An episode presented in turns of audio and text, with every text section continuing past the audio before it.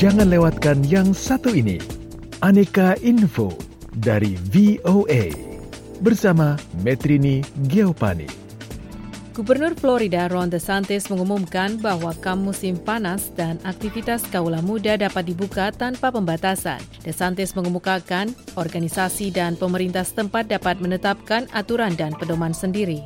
Negara bagian Florida tidak akan mengganti aturan-aturan itu, Ron DeSantis menambahkan lebih lanjut. Shani Dyke berprofesi sebagai terapis pijat. Dua anaknya menjadi peserta KAM siang hari di YMCA di West Palm Beach, Florida. Dyke mengungkapkan program KAM musim panas YMCA memberi perhatian dan hiburan yang dibutuhkan oleh kedua anaknya sehingga ia dapat kembali bekerja.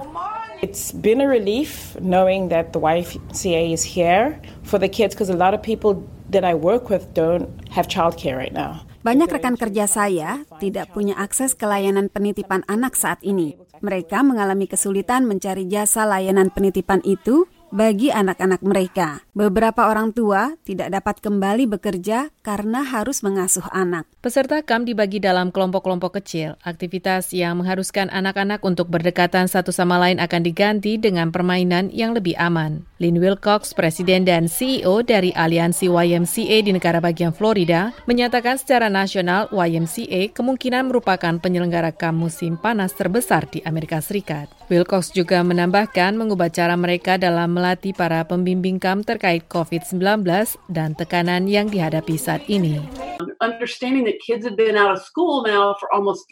Memahami bahwa anak-anak sudah bersekolah selama hampir tiga bulan. Di sisi lain, kami berupaya memastikan untuk memberi mereka kebahagiaan, pengalaman yang luar biasa, dan cara melepaskan stres.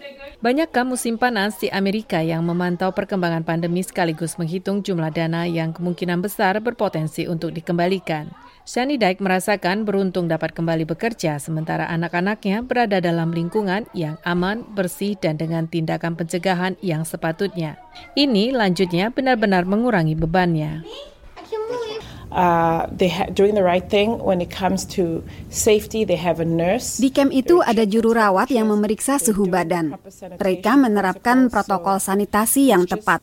Jadi, hal itu membuat pikiran saya nyaman saat bekerja dan lebih menyenangkan bagi saya di tempat kerja.